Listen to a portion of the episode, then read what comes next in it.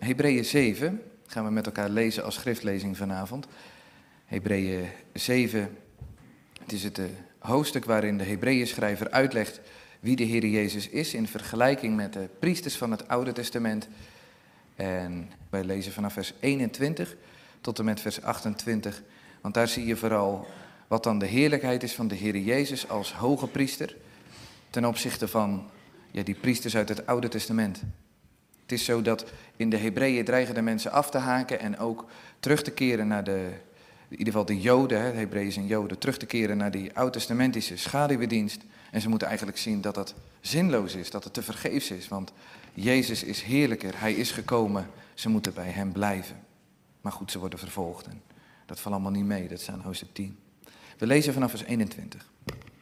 Maar hij, de Heer Jezus, is geworden met het eetzweren van een eed door God, die tegen hem gezegd heeft, de Heere heeft gezworen en het zal hem niet berouwen, u bent priester in eeuwigheid, naar de ordening van Melchizedek. In zoverre is Jezus borg geworden van een zoveel beter verbond. Dus beter dan het Oude Testamentisch, Mosaïtisch verbond, zeg maar. En ze zijn wel in grote getalen priesters geworden, de Levieten, omdat zij door de dood verhinderd werden altijd te blijven. Met andere woorden, ze stierven iedere keer. Maar hij, Jezus, omdat hij blijft tot in eeuwigheid, heeft een priesterschap dat niet op anderen overgaat. Daarom kan hij ook volkomen zalig maken wie door hem tot God gaan, omdat hij altijd leeft om voor hen te pleiten. Want zo'n hoge priester hadden wij nodig. Heilig, onschuldig, onbesmet, afgescheiden van de zondaars en boven de hemelen verheven. Hij heeft het niet nodig, zoals de hoge priester, elke dag eerst voor zijn eigen zonden slachtoffers te brengen. En pas daarna voor die van het volk. Want dat heeft hij eens en voor altijd gedaan toen hij zichzelf offerde op Goede Vrijdag. Want de wet stelt mensen aan die met zwakheid behept zijn, dat is Mozes als hoge priester. Maar het woord van de eed, dat is God zelf, die na de wet gezworen is, stelt de zoon aan, die tot in eeuwigheid volmaakt is.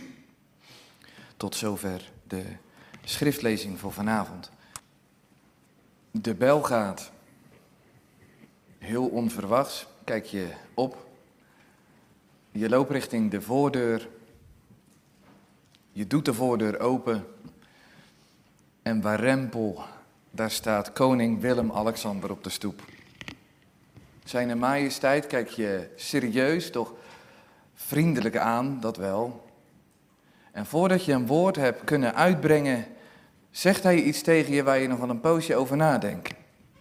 Hij zegt heel nadrukkelijk, geliefd familielid, wees er hiervan verzekerd, ik besta voor u. Geliefd familielid, wees ervan verzekerd, ik besta voor u. En weg is hij. Gemeente, stel je voor, dat gebeurt op een dag. Dus de bel gaat en daar staat koning Willem-Alexander en hij zegt deze woorden. Dat zijn toch wel woorden waar je er nog een poosje over nadenkt. Hoe, hoe zou u dat verwerken? Want als het waar is, hè. Ik ben een familielid van de koning, zegt hij. En wat zou dat dan wel niet betekenen? Op zijn minst, als je dan familie bent van de koning, dat weten we wel, dan val je onder de bescherming van de koning. Dan zal hij zijn vermogen, zijn macht, zijn invloed, zal hij aanwenden voor uw veiligheid en voor uw welzijn. Zo werkt dat. Familie is familie. Je bent dan kostbaar. Maar dan die woorden, ik besta voor u. Stel je voor dat dat waar zou zijn. Dat zou toch onvoorstelbaar zijn dat zijn majesteit, de koning, dat hij bestaat voor zo'n plattelandsmens uit Herkingen. Eén uit de 18 miljoen bijna inmiddels. Het zou toch te groot zijn dat het waar is dat zijn leven om uw leven zou draaien. Dat hij gericht zijn, zou zijn op u. En dat hij er altijd voor u is. En dat hij bestaat voor u. Stel het eens voor, gemeente. Onze koning zou leven voor u persoonlijk. Je zou zeggen, zoiets zou een sprookje moeten zijn, toch? Maar vanavond zijn sprookjes waar als we kijken naar wat Hebreeën 7 vers 25 zegt. Dat is de tekst voor de preek vanavond. Want er staan zulke fabelachtige woorden eigenlijk. Daar wil ik met u over nadenken. Vers 25b, daar staat, omdat hij, Jezus, altijd leeft om voor hen te pleiten. Daar gaat het over vanavond. Dat onbevattelijke dat onze hoge priester in de hemel, de Heer Jezus, altijd leeft om te pleiten, te bidden voor zijn verbondsvolk. Nou, twee aandachtspunten, voordat we nog een paar toepassingen hebben aan het slot. Allereerst letten we gewoon dat Jezus leeft voor zijn volk. Daar kijken we eerst naar wat dat betekent. En als tweede de inhoud van zijn bezigheid op dit moment in de hemel. En dat is dat pleiten. Dus we kijken eerst naar dat hij leeft voor zijn volk. We zeiden dat net, hè? het zou te gek voor woorden zijn als, de, als de, de, de koning dus op de stoep zou staan en hij zou zeggen, geliefd familielid, wees ervan verzekerd, ik besta voor u. Maar hier staat werkelijk dat de Heer Jezus bestaat voor al zijn volgelingen. En dat hij leeft voor hen. Hij leeft altijd omdat, en dan komt het, de invulling daarvan. Maar feitelijk staat het er zo dat hij niet voor zichzelf leeft, niet zomaar in de hemel daar is. Hij leeft voor zijn volgelingen. Zie je dat? Dan moet u even in gedachten met mij meegaan naar die hemelse heerlijkheid waar de Heer Jezus dus nu zit, hè, aan de rechterhand van de Vader. Moet je even in gedachten naartoe gaan, dan zie je al die engelen om hem heen, hè, ontelbare engelen die dan met die zes vleugels, en dan hebben ze twee vleugels die dan hun ogen bedekken, en dan roepen ze voortdurend, heilig, heilig, heilig is de Heer van de legermachten. En dan staat de Heer Jezus in het middelpunt van al die heilige zielen die nu al in de hemel zijn. In de aanbidding en de verheerlijking wordt hij daar groot gemaakt. Terwijl ondertussen de Vader zijn liefde uitstort in de Zoon van al zijn welbehagen. En zijn Zoon in wederliefde zijn Vader bemint. En dat allemaal door de band van de Heilige Geest die die liefde overgiet. Vol glorie schittert de Heer Jezus nu in de hemel aan de rechterhand van de Vader. In het centrum van de eredienst in de hemel. Hij is de verhoogde zoon die de glorie ontvangt met zijn verheerlijk lichaam en geprezen wordt tot een eeuwigheid. Nou, als we daar even zouden staan en we zouden die hemelliturgie zouden we waarnemen of misschien uitgedaagd worden om daarin deel te nemen. En we zouden een, een hemelbode, een engel erbij roepen en we zouden hem vragen, die daar in het middelpunt, die gezalfde aan de rechterhand van de Vader, waar leeft hij voor? Dan zou die engel dus moeten antwoorden, hij leeft voor die en die in Herkingen, voor familie die en die van Dalfsen, voor die en die Baalde. Hij leeft altijd om voor zijn volk te pleiten. Weet u dat dan niet, beste bezoeker? Heeft u dat niet in de gaten? Moet je over nadenken. Dat, dus nogmaals, de Heer Jezus die daar alles heeft bij zijn Vader, door de geest van al die engelen en al de verheerlijkte zielen die daar al zijn. En dat hij leeft voor een paar van die ja, mensjes uit het platteland. In herkingen. Alsof Jezus niks beters te doen heeft in de hemel. Alsof er geen hoger doel kan zijn als je daar door al die triljoenen engelen wordt grootgemaakt en verheerlijkt. Maar het antwoord is nee vanavond. Het staat er letterlijk. Jezus verheerlijkt het leven in de hemel aan de rechterhand van Vader draait om u. Zo persoonlijk staat het er. Als u een geredde zondaar bent, dan moet u dat zo lezen. In de tegenwoordige tijd, hè? dus nu en ook morgen en overmorgen in de tegenwoordige tijd, het staat in een voortdurende vorm in het Grieks, is Jezus in de weer voor u en begaan met u. En daarom wil ik u uitnodigen vanavond om uw naam in te vullen hier in deze woorden. Als u de Heer Jezus volgt en hem kent. Doe dat eens. Doe dat gewoon heel expliciet. Corian Rijsdijk, daar leeft hij voor. En moet, word dan ook even stil als je dat zo doet. Jezus nu in de hemelse glorie, die oneindig veel glorieuzer is dan koning Willem-Alexander. Oneindig glorieuzer. Hij is de allerhoogste majesteit, deelachtig. Hij regeert over alle dingen. En die grote, heerlijke vorst, hij bestaat voor u. De bedoeling van deze woorden is dat we daar werkelijk stil van worden. En een beetje in aanbidding naar reageren. Hoe bestaat het, Heer Jezus? Dat u leeft voor mij.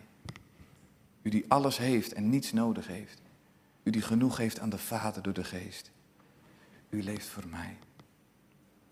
Onbevattelijk toch vanavond. Dus als, nog een keer in gedachten, als je daar erbij staat in de hemel. Je ziet het prachtig in openbaring 5 hoe het er daaraan toe gaat. En je zou dus die hemelbode erop uitsturen naar de Heer Jezus nu. En die zou de Heer Jezus moeten vragen, wat bestaat u voor? Dan moet hij uw naam noemen als u hem volgt in herkingen. Dan, dan zal hij uw naam noemen, persoonlijk. En al die anderen waarvoor hij nu pleit. Hij leeft voor hen, staat het er. En dan is hij ondertussen in de weer om voor hen te pleiten. Nou, het is, Kijk, het zou fabelachtig zijn als koning Willem-Alexander morgen aan de deur staat en dat gaat vertellen? Dat zou net een sprookje zijn. Maar laat het onwaarschijnlijke en ondenkbare, laat dat even op u inwerken. Deze ja, glorieuze gedachte. Laat het op u inwerken en leef daarbij iedere dag. Hij leeft, mijn hoge priester, altijd voor mij. als we een beetje doorhebben wie Hij is, de Heer Jezus, in zijn hoogheid, dan zou dat ons vanavond ook moeten verlossen van ieder negatief zelfbeeld, toch? Ik bedoel, hoe betekenisvol ben je wel niet als koning Willem-Alexander voor je leven in de weer is? En nu gaat het over de Allerhoogste, de Zoon van God, die pleit en voor zijn volk leeft. Nou, hoe waardevol en kostbaar ben je dan in de ogen van Hem? En ik zal ook zo laten zien in de ogen van God. Dus feitelijk is iedere, iedere gedachte van klein denken over jezelf. Als je een christen bent, ja, als ik het even plat zeg, dat slaat nergens op. Want zo ben je niet in de ogen van Jezus. Je bent zo belangrijk dat Hij die alles heeft en nogmaals geen mens nodig heeft, dat Hij toch als de Allerhoogste laag neerziet naar al die mensen in herkingen, omdat ze belangrijk zijn voor Hem. Daarom leeft Hij voor ze. Want eerlijk is eerlijk, als je voor iemand leeft, dat kennen wij ook wel in de, in de verkeringssfeer of in de huwelijkssfeer, als je dat zegt, ik leef voor je, ik besta voor je, dan zegt dat heel veel over je hart, toch? Nou, hier precies hetzelfde. In het zachtmoedige en nederige hart van de Heer Jezus leeft dus, ja, wat leeft er eigenlijk? Daar moet je ook dagelijks van verzekerd zijn. Want daar moet je bij leven. Daar leef je als het goed is ook voor als christen in beantwoording voor dat hart in het hart dat leeft natuurlijk liefde. Er staat in Johannes 13, als hij de zijnen die in de wereld waren, zoals wij dus, lief gehad had, zo heeft hij hen lief gehad tot het einde. En dat betekent ook het einde als uiterste van de kruisdood. Nou, zo is het er aan toe in Jezus hart, ook op dit moment. Want de Hebreeën schrijver zal aan het eind van de brief uitleggen dat Jezus gisteren, heden tot een eeuwigheid dezelfde is. En dan refereert hij eigenlijk met dat gisteren naar Jezus aardse leven, het heden nu naar Jezus uh, hoge priesterlijk leven in de hemel. En het eeuwige leven dat komt straks als alles erop en eraan is en alle dingen gereed zijn op die nieuwe hemel en de nieuwe aarde. Dus wij moeten de conclusie trekken dat zoals Jezus hart op aarde vol liefde klopte voor al zijn volgelingen, net zo vurig, net zo vol klopt het in de hemel richting al zijn volgelingen. Hij is nog even hartelijk verbonden aan al de zijnen als hij was op aarde waarom hij zich overgaf aan de kruisdood. En die liefde spoort hem aan op dit moment in de hemel om in de weer te zijn, in het heilige der heiligen in de hemel, om te pleiten voor hen als hoge priester. Eigenlijk doet hij dat op de manier als voor familie. Daarom begon ik expres met dat voorbeeld dat alsof de koning zou zeggen, geliefd familielid. Jezus pleit in de hemel voor zijn broers en voor zijn zussen. Daar is hij nu mee bezig. Je zou zeggen, hoe zit dat dan? Nou, ik haal even Efeze 5 vers 30 aan. Daar staat letterlijk dat de Heer Jezus zich zo verbonden weet met al zijn gelovigen. Als vlees van zijn vlees en gebeente van zijn gebeente. Zo staat het er. Het is eigenlijk nog sterker uitgedrukt dan een bloedband. Je maakt gewoon onderdeel uit van zijn lichaam. Het staat er bewust als relatieuitdrukking. Zo nauw verwant. En in Hebreeën 2 hoor je dat ook. Daar erkent de Heer Jezus vrijmoedig al de volgelingen als zijn broers en zussen. En hij schaamt zich niet om ze zo ook te benoemen in de hemel. Moet je nagaan. Dus hij kijkt naar beneden. Nee, wat stellen we voor? Hij zegt, ja, maar die broer en zus, die ken ik. daar leef ik voor. En ik zie ze als mijn familie. En net als een koning, hè, als je familie bent van de koning, betekent dat dat hij leeft met u op het oog en, en, en garant staat voor uw welzijn, voor uw bescherming. Hij richt zijn macht en verzoenend werk aan ten behoeve van u.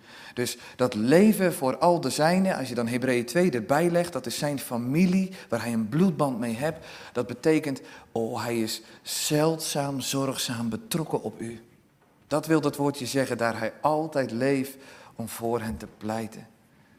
Ongekend als je dat op je in laat werken. Een sprookje als koning Willem-Alexander zegt, geliefd familielid, wees hiervan verzekerd, ik besta voor u. Met Jezus, nota bene, de Allerhoogste in de hemel, Gods Zoon, spreekt het uit hier, richting u, persoonlijk. Waarachtige woorden betrouwbare woorden ter bemoediging.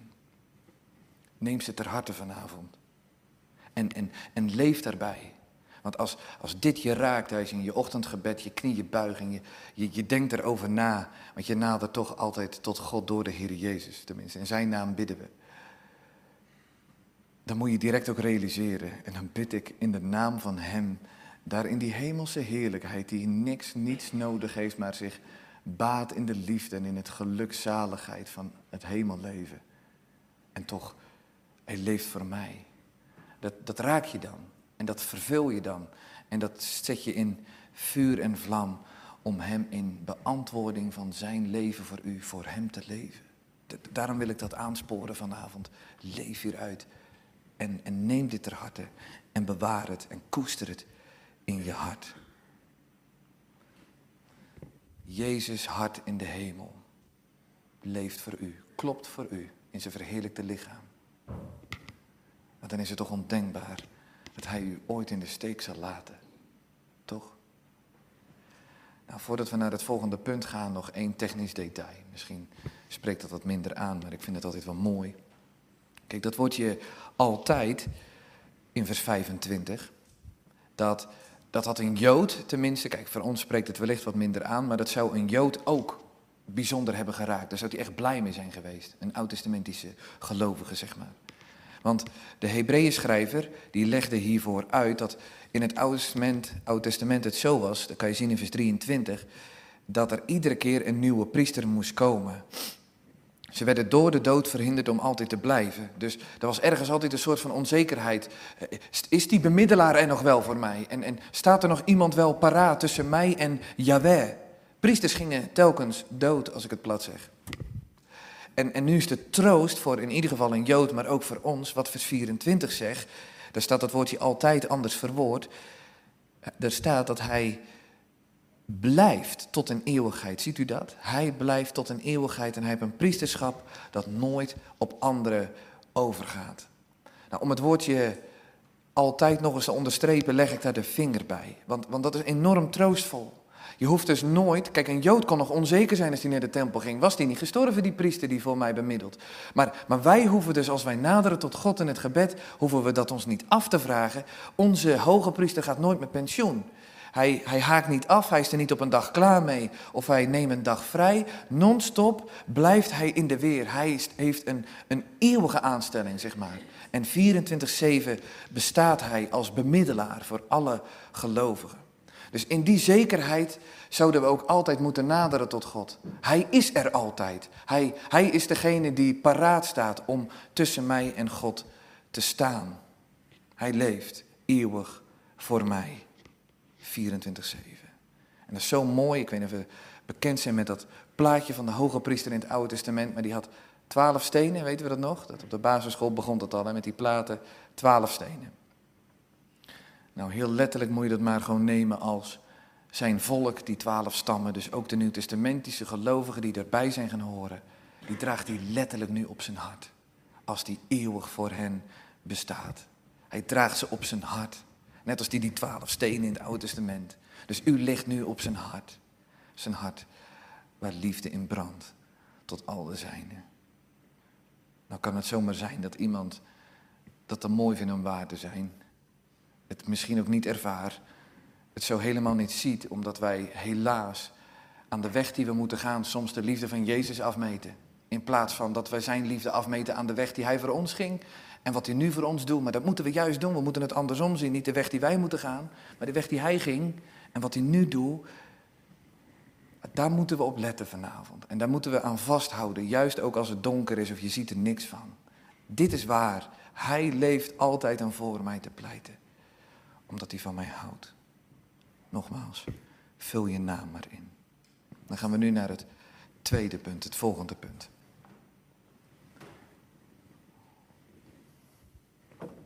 Want het heeft natuurlijk inhoud, hè, dat leven voor u. Ik heb er al allerlei zinspelingen op gedaan en dat wil ik dan nu wat verder uitpakken. Wat betekent dat pleiten? Wat houdt dat in? En waar is dat voor nodig? Dat zijn natuurlijk wel de vragen die dan om de hoek komen kijken. Nou, misschien een voorbeeld voor wat jongere mensen in ons midden. Ik zie ze zitten. Nu is het zo, en ik, ik ga even uit van mezelf, ik was niet zo'n brave kan zomaar wel eens gebeuren dat je een en ander, nou ja, dat er een en ander aan de hand is tussen jou als jongere en jou als, of tussen jou als jongere en de meester en de juf. Bij mij gebeurde dat wel eens. Nou, soms is het dan zo stuk tussen jou als leerling en de juf of meester, ja, dat het even nodig is dat papa en mama meegaan naar school. En wat is het, wat moeten ze dan doen als het goed uit de hand is gelopen? Dan is het vaak nodig dat ze op zijn minst een goed woordje voor je doen, toch? Om het weer een beetje te lijmen. En zodat het ook weer goed komt tussen jou en de juf of meester. Zo moet je dat een beetje zien wat de Heer Jezus doet. Je moet dus denken aan die drie partijen. Dus even, papa mama is dan de Heer Jezus, om het maar zo te zeggen. De meester en juf is dan God de Vader. En, en ja, het is natuurlijk stuk tussen jou en de meester en juf. Dus dan zijn wij hier als, als mensen die het ook wel een stuk maken bij de Heer. Zo moet je dat je maar voorstellen, dat, dat pleiten dat, dat daarover gaat. De Heer Jezus, die, die, die gaat met ons mee naar God de Vader, waar wij weer eens wat stuk hebben gemaakt. En dan doet hij een geweldig, bijzonder goed woordje voor ons. Dat is een beetje de verhoudingen die we voor ons moeten zien. Drie partijen en de Heer Jezus staat in het midden en brengt ze bij elkaar. Dat was ook eigenlijk precies het werk van een priester in het Oude Testament. Dat waren de bemiddelaars bij uitstek. God had die gegeven aan zijn volk, zodat ze zijn volk konden vertegenwoordigen als bemiddelaar bij hem in de tempel, in zijn huis, waar hij woonde. Dus hun waren de bemiddelaars van God voor het volk. Mannen echt die ook van het volk waren en voor het volk instonden. Zo is de Heer Jezus ook. Als mens voor de mensen, maar hij is ook gelukkig God bij God. Zo staat hij tussen God de Vader en tussen ons hier op aarde in. En hij bemiddelt en hij bepleit onze zaken. Zodat we bij elkaar, zodat we samen kunnen komen. Zodat alle schade van onze kant richting God ja, geen probleem blijft. Hij gaat als het ware in de bres staan. Op die manier pleit hij en komt hij ons te hulp uit liefde. Maar met dat ik dit uitleg, roept dit ook allerlei vragen op. Misschien heeft hij die al direct, maar bij mij in ieder geval ook als theoloog. Want hoe zit dat dan wij leren dat als je gerechtvaardigd bent, nou dan ben je aan de ene kant vrijgesproken van alle schuld en straf en dan word je gerekend zo goed als Jezus hebt geleefd. Zo goed word je gerekend. Nou, hoe zit dat dan dat dit dan nog nodig is in de hemel als je gerechtvaardigd bent? En daarbij roept het ook nog de vraag op, dat is natuurlijk tricky wat ik nu deed met dat voorbeeld. Is het dan zo dat als ik wat stuk maak, dat de vader niks meer met mij te maken wil hebben? Dat hij onwillig is en dat Jezus dan met zijn hart ombuigt om te zeggen, nou vooruit met dat kind uit herking en daar wil ik nou wel wat te maken hebben. Is, is dat dan wat dat pleiten doet? Is Jezus bezig met God de Vader aan het te bewerken? Nou, die twee vragen wil ik even nog in het tweede punt met u uitpakken. Allereerst pakken we dan maar dat gerechtvaardigd zijn even, hè, want dat, dat is een vraag en dat is altijd zo. Als we zeggen met Romeinen 5, wij dan gerechtvaardigd zijnde uit het geloof hebben vrede bij God door onze Heer Jezus Christus, en dan vervolgt hij door weer dit toegang hebben, enzovoort, enzovoort. Maar als wij zulke mensen zijn die Gods goedkeuring hebben, waarom is het dan nog nodig dat de Heer Jezus voor ons bemiddelt? Dat is nodig, goed opletten, omdat in de rechtvaardiging wij zo gerekend worden hoe Nou ja, in de Heer Jezus. Door die band met Hem gaan wij, dat, gaan wij daarin delen. Dus in Hem zijn wij absoluut voor God helemaal goedgekeurd. En dat geeft enorm veel ruimte in je geweten en rust. Alleen, dat is het probleem, wij zijn nog niet zo ver als Jezus zelf. Wij hebben nog geen opstandingslichaam. En daarom zegt Jacobus, die bittere werkelijkheid, zegt hij, helaas struikel, iedere christen in veel opzichten. En struikelt staat in de tegenwoordige tijd duratieve vorm. Met andere woorden, we zondigen aan de lopende band, zegt hij. En dat hebben we nog ineens zo goed in de gaten. Maar dat is de werkelijkheid. Nou, als we ons dat realiseren, omdat wij nog niet dat opstandingslichaam hebben en het gaat iedere dag mis. Ja, hoe kunnen we dan omgang hebben met God in de hemel die heilig is? Zeker als je willekeurige greep, maar als je die zinnen ernaast legt die in de Bijbel staan, als bijvoorbeeld God is terrein voor ogen om het kwaad aan te zien. Met andere woorden, hij, is zo weinig op met zonde, dat schept mega afstand. Dat, dat ziet hij niet door de vingers, dat neemt hij bloed serieus. En dat zie je natuurlijk ook aan het kruis. Nou, hoe kan het dan dat wij een relatie onderhouden met God de Vader in de hemel, als wij dus regelmatig struikelen? Voortdurend. Nou, dat probleem, daar is de Heer Jezus voor. Dat had iedere Jood direct ook gesnapt. Want zo werkte dat. Die priester die kwam daarvoor met zijn offer. Dat was een ochtend- en avondoffer. En zo stond hij in de bres voor het hele volk. Daar snapten ze ook, die, heilige God stapt er niet overheen. Die, die kijkt niks door de vingers. Die neemt het ook hoog op. Maar als het ware, even plat gezegd, was dat offer een middel om puin te ruimen. Ons puin. Nou, zo is de Heer Jezus in de weer.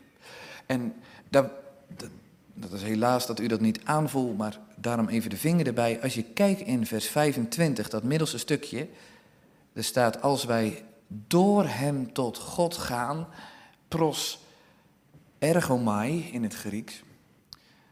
Ja, een Jood die dit las en zijn Oude Testament in het Grieks kende, dat, dat waren deze, die hadden direct gedacht aan, bij dit woordje, aan letterlijk het naderen tot God in de tempel, zijn aangezicht zoeken.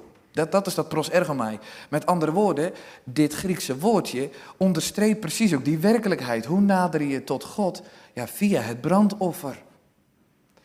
Zo kon je in de tempel bij God komen en die relatie met hem hebben.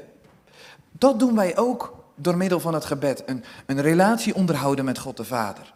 En precies dat woordje hier door hem tot God gaan, pros ergomai, wat in het Oude Testament de tempel was, is voor ons nu rechtstreeks naar de tempel in de hemel via het gebed. Nou, precies dat doen wij door onze hoge priester. Dat, roept dat beeld ook op in het Grieks, die gedachte uit het Oude Testament. Dus wij die helaas veel struikelen, voortdurend, hebben door deze hoge priester en zijn offer, hebben wij vrije toegang tot God de Vader, zoals het oude Israël dat ook had. Nu ga ik het even iets ingewikkelder maken, maar ik, hoop dat u het beeld helder hebt. Je loopt in gedachten zo de tempel, zie het brandofferaltaar centraal. Nou, wij lopen dan in gedachten de hemelse heiligdom binnen, het heilige der heiligen. En daar ontmoeten we Jezus in het gebed.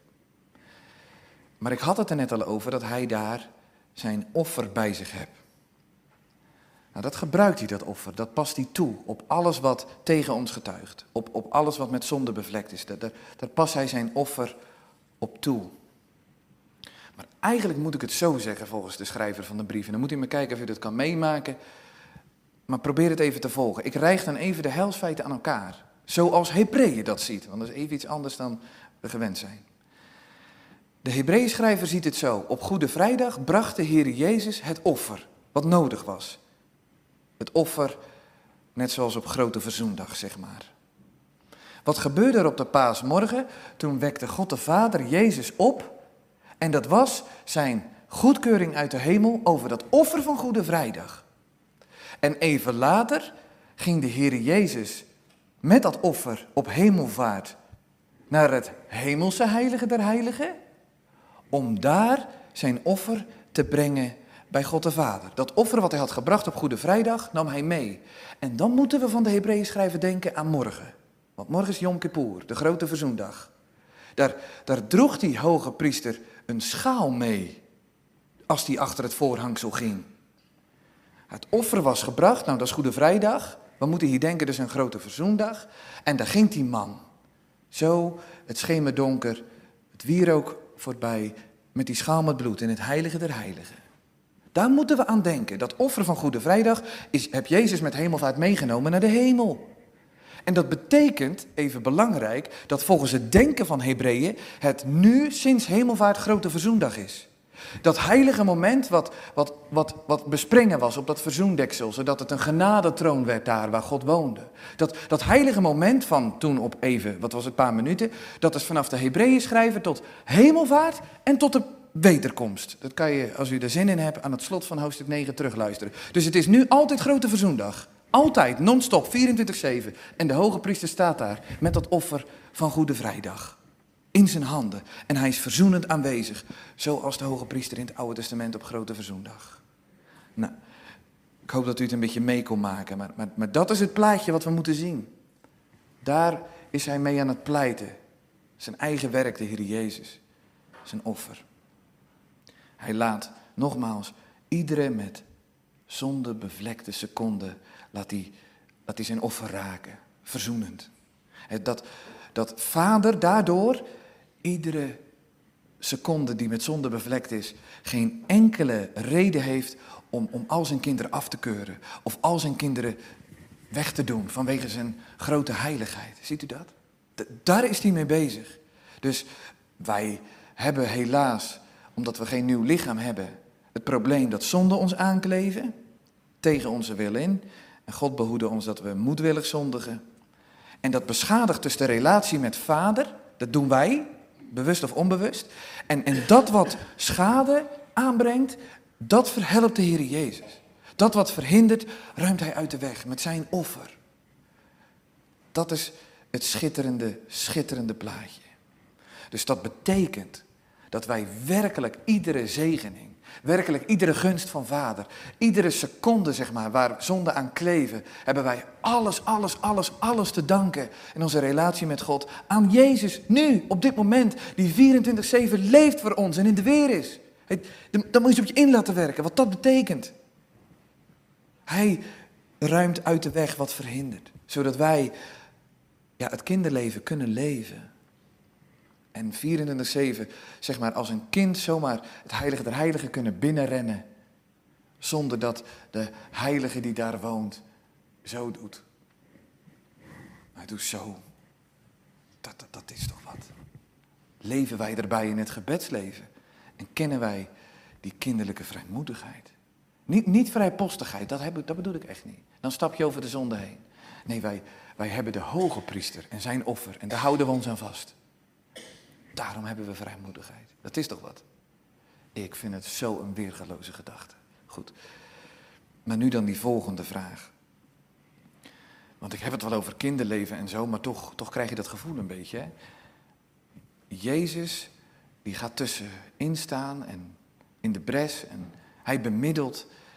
Is het dan niet zo dat, dat die vader dan op andere gedachten moet brengen? Als, als een vader toch vanwege zijn heiligheid een beetje een afkeer hebt of zo? Of, of ja, zijn kinderen niet graag ziet komen vanwege hun zonde. Maar die gedachte zou natuurlijk desastreus zijn voor het kinderleven en het gebedsleven morgen. Dus daarom even daar de vinger nog bij. Nou, heel eenvoudig, laten we bij het begin even beginnen, dan komen we er wel. Wat deed God de Vader toen, ja, toen hij ons als schepsel kwijt raakte? Toen wij zo lelijk deden tegen hem. In reactie op dat lelijke gaf hij uit liefde zijn zoon als offer aan deze wereld. Dus zijn reactie op ons grensoverschrijdend gedrag is niet toren, uitgieten over ons, maar kijk maar op Goede Vrijdag wat er gebeurt. Hij giet de toren uit over zijn bloedeigen zoon. Dus wij die God de Vader onterecht beledigen, wat, hij doet, die wij beledigen, is zijn eigen Isaac, zijn enige, die neemt hij en die legt hij op het altaar zodat hij rechtvaardig blijft in het vergeven en daarom zijn rechten volle loop kan hebben. Niet op u, maar op zijn Isaac, zijn eigen zoon. Zodat hij op grond van het veroordelen van alle zonde, van alle belediging, aan zijn zoon ons kan vrijspreken van schuld en straf. Dat is zijn liefde. Hij pakt zijn zoon, niet u. Hij houdt zijn zoon voor aansprakelijk, niet u. Dus daar zit al liefde achter, maar daar stopte het niet. Want wat er gebeurde op hemelvaart is dat God de Vader zijn zoon ontving, maar toen zei hij, nu heb ik werk voor je.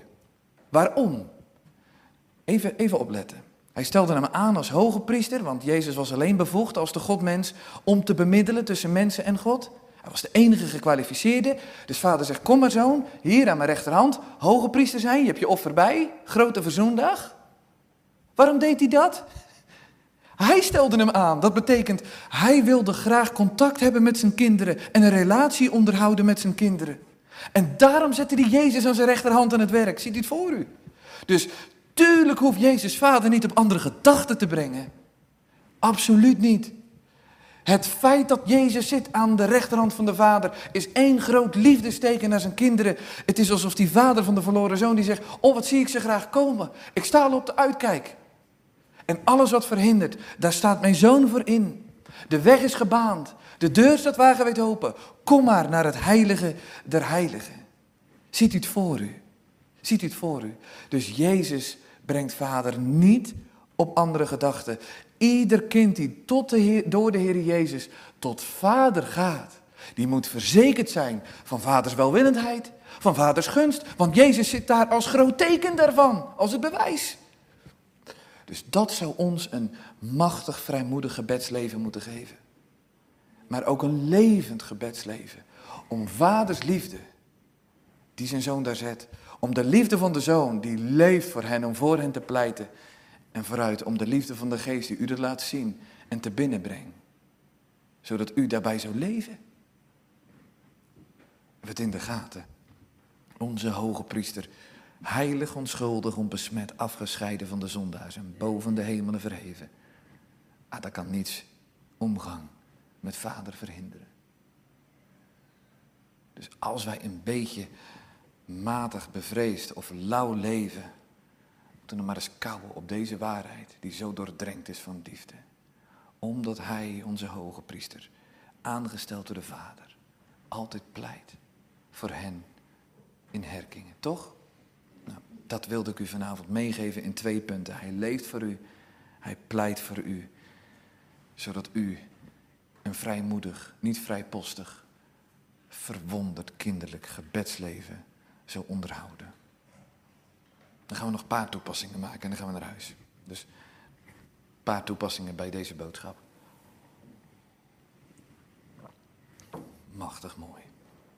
In ieder geval wil ik deze toepassing maken.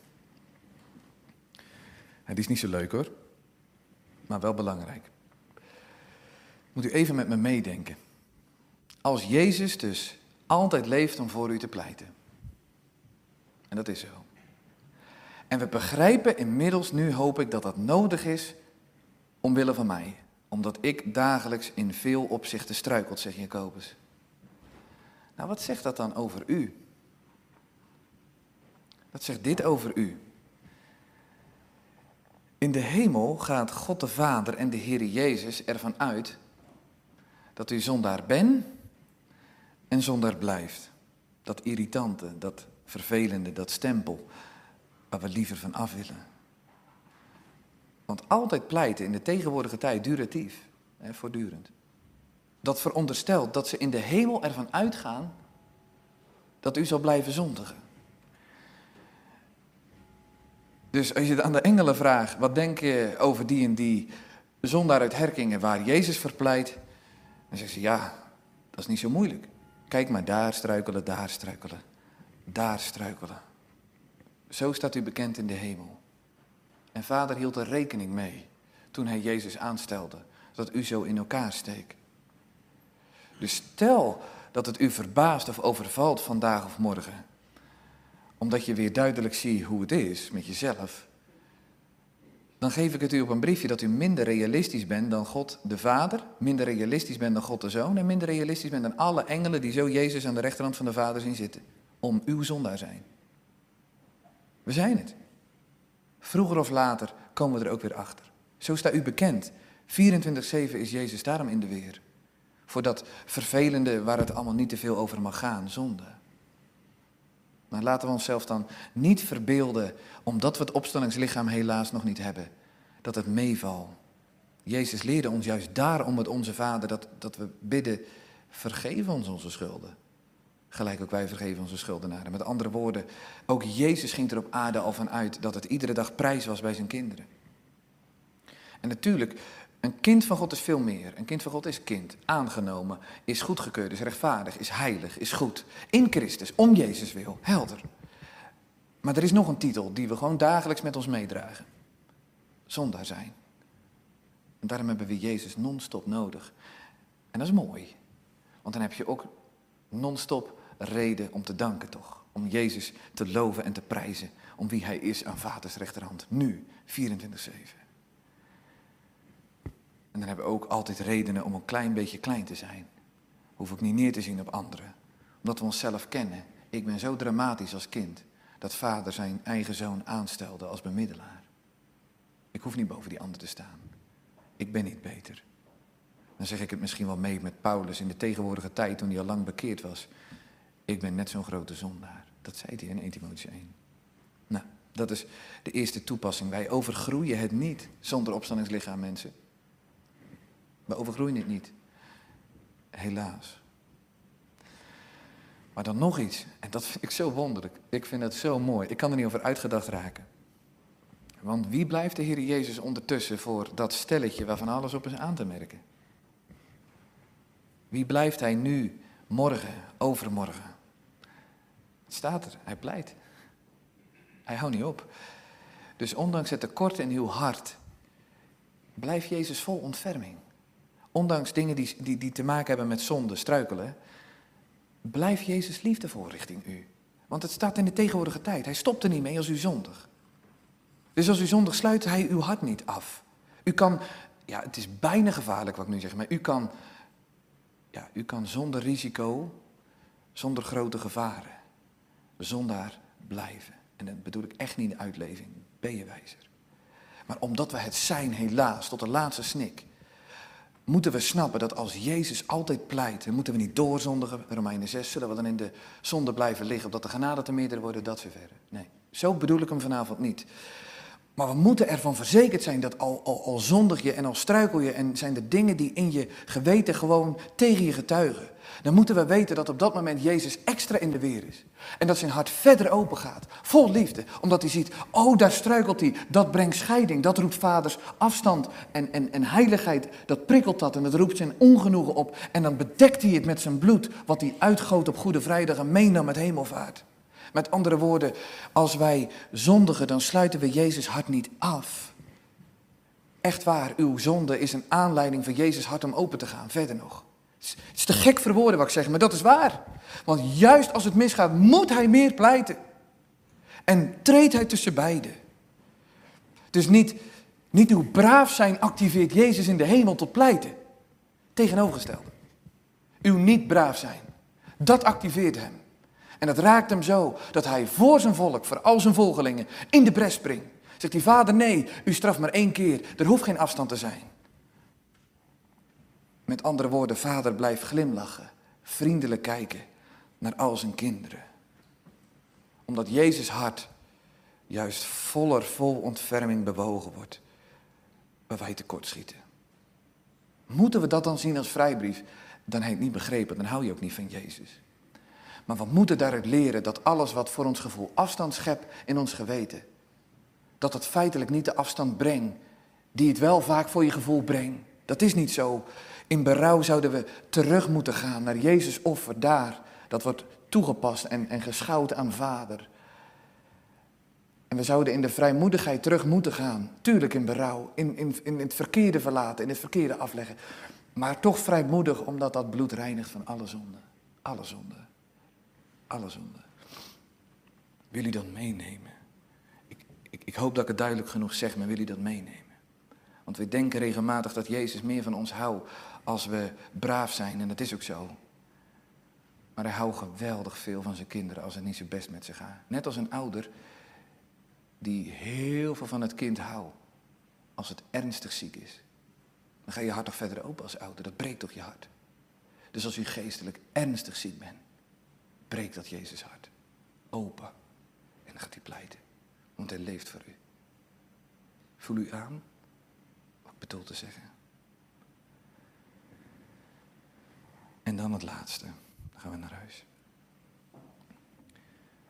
Als je een hoge priester hebt in de hemel, hij gaat dan zelf niet voor hoge priester spelen, toch? Want soms doen we ons zo mooi voor in het gebed en zijn we helemaal niet echt. Dan gedraag je een beetje als hoge priester. Want waar was hij voor? Hij was ervoor om te verzoenen en om te bemiddelen en onze behartigen, belangen te behartigen. Dus als wij gaan compenseren met al dat fantastisch nette wat u hebt gedaan en denk, nou, nou heb ik er wel recht op, nou gaat hij wel horen omdat u zo goed bezig was. Of andersom, u merkt dat u niet goed bezig was en u gaat het rechtbreien zelf. Doe dat niet. Dat is Jezus hart pas breken. Dan zeg je eigenlijk dat je een betere hoge priester bent dan hij. Dan zeg je eigenlijk dat wat hij deed op Goede Vrijdag, dat je het nog zelf beter kan verzoenen. Ziet u dat? Wij spelen soms echt in onze vromigheid, om het, omdat we ons schuldbewust voelen. Spelen we een beetje zelf voor hoge priester. Moet niet doen. Ja, ik schiet ook regelmatig uit mijn slof en zo. En er is ook van alles wat gewoon te weinig is in mijn hart. Naast de liefde enzovoort. Wat doe je dan? Dan gaan we naar de hoge priester die volkomen kan zalig maken. Dat doen we. In berouw. En we beleiden het. Dus alles wat ons geweten aanslaat, dat brengen we bij Hem. En waarom kunnen we dat doen? Dat zeggen Hebreeën elders. We hebben werkelijk een medelijdende hoge priester. En er staat erbij, hij kan te hulp komen. Waarom? Omdat hij net als hen verzocht is geworden, maar dan wel zonder zonde. Zij begrijpt het enigszins. En dan staat hij paraat als hoge priester. Ik hoef zelf niet voor mijn schuld in te staan. Ik hoef het zelf niet goed te maken. Ik heb die neiging, maar ik heb een hoge priester die voor mij leeft. Dat moet ik onthouden. Die voor mij leeft en pleit en hij is een medelijdende hoge priester. Halleluja. Amen.